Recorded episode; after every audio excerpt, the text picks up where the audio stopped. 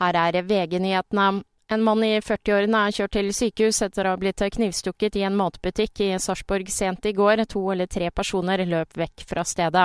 Det er én pågrepet. Fornærmede er operert og på bedringens vei. Vi har navn på blokka som vi ønsker å komme i kontakt med av gjerningspersoner. Det kommer vi til å jobbe videre med utover. Og det sa operasjonsleder Terje Marstad. I Spania er minst fire personer bekreftet omkommet og 14 skadet i en kraftig brann i to boligblokker i Valencia. 19 personer er ikke gjort rede for. Det er totalt 220 leiligheter i de to byggene.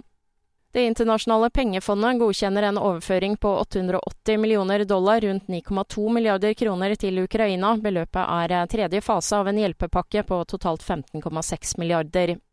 Månelanderen Odysseus har landet på månens overflate. Det bekrefter det Houston-baserte selskapet Intuitive Machines. Månelanderen er den første amerikanerne sender siden Apollo-programmet på 1970-tallet. Dette var det andre forsøket i privat regi etter at et forsøk tidligere i år slo feil. NASA håper nå at oppdraget kan bli startskuddet for en langvarig base på månen. Reporter var Frode Sti. I studio Kristin Strand, nyhetene får du alltid på VG.